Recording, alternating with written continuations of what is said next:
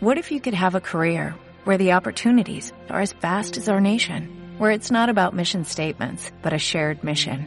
At U.S. Customs and Border Protection, we go beyond to protect more than borders, from ship to shore, air to ground, cities to local communities. CBP agents and officers are keeping people safe. Join U.S. Customs and Border Protection and go beyond for something far greater than yourself.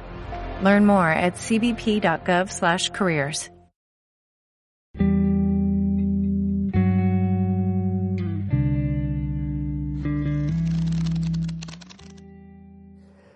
Definimos soborno como la oferta de dinero o un regalo que le hace una persona a otra para recibir un favor a cambio.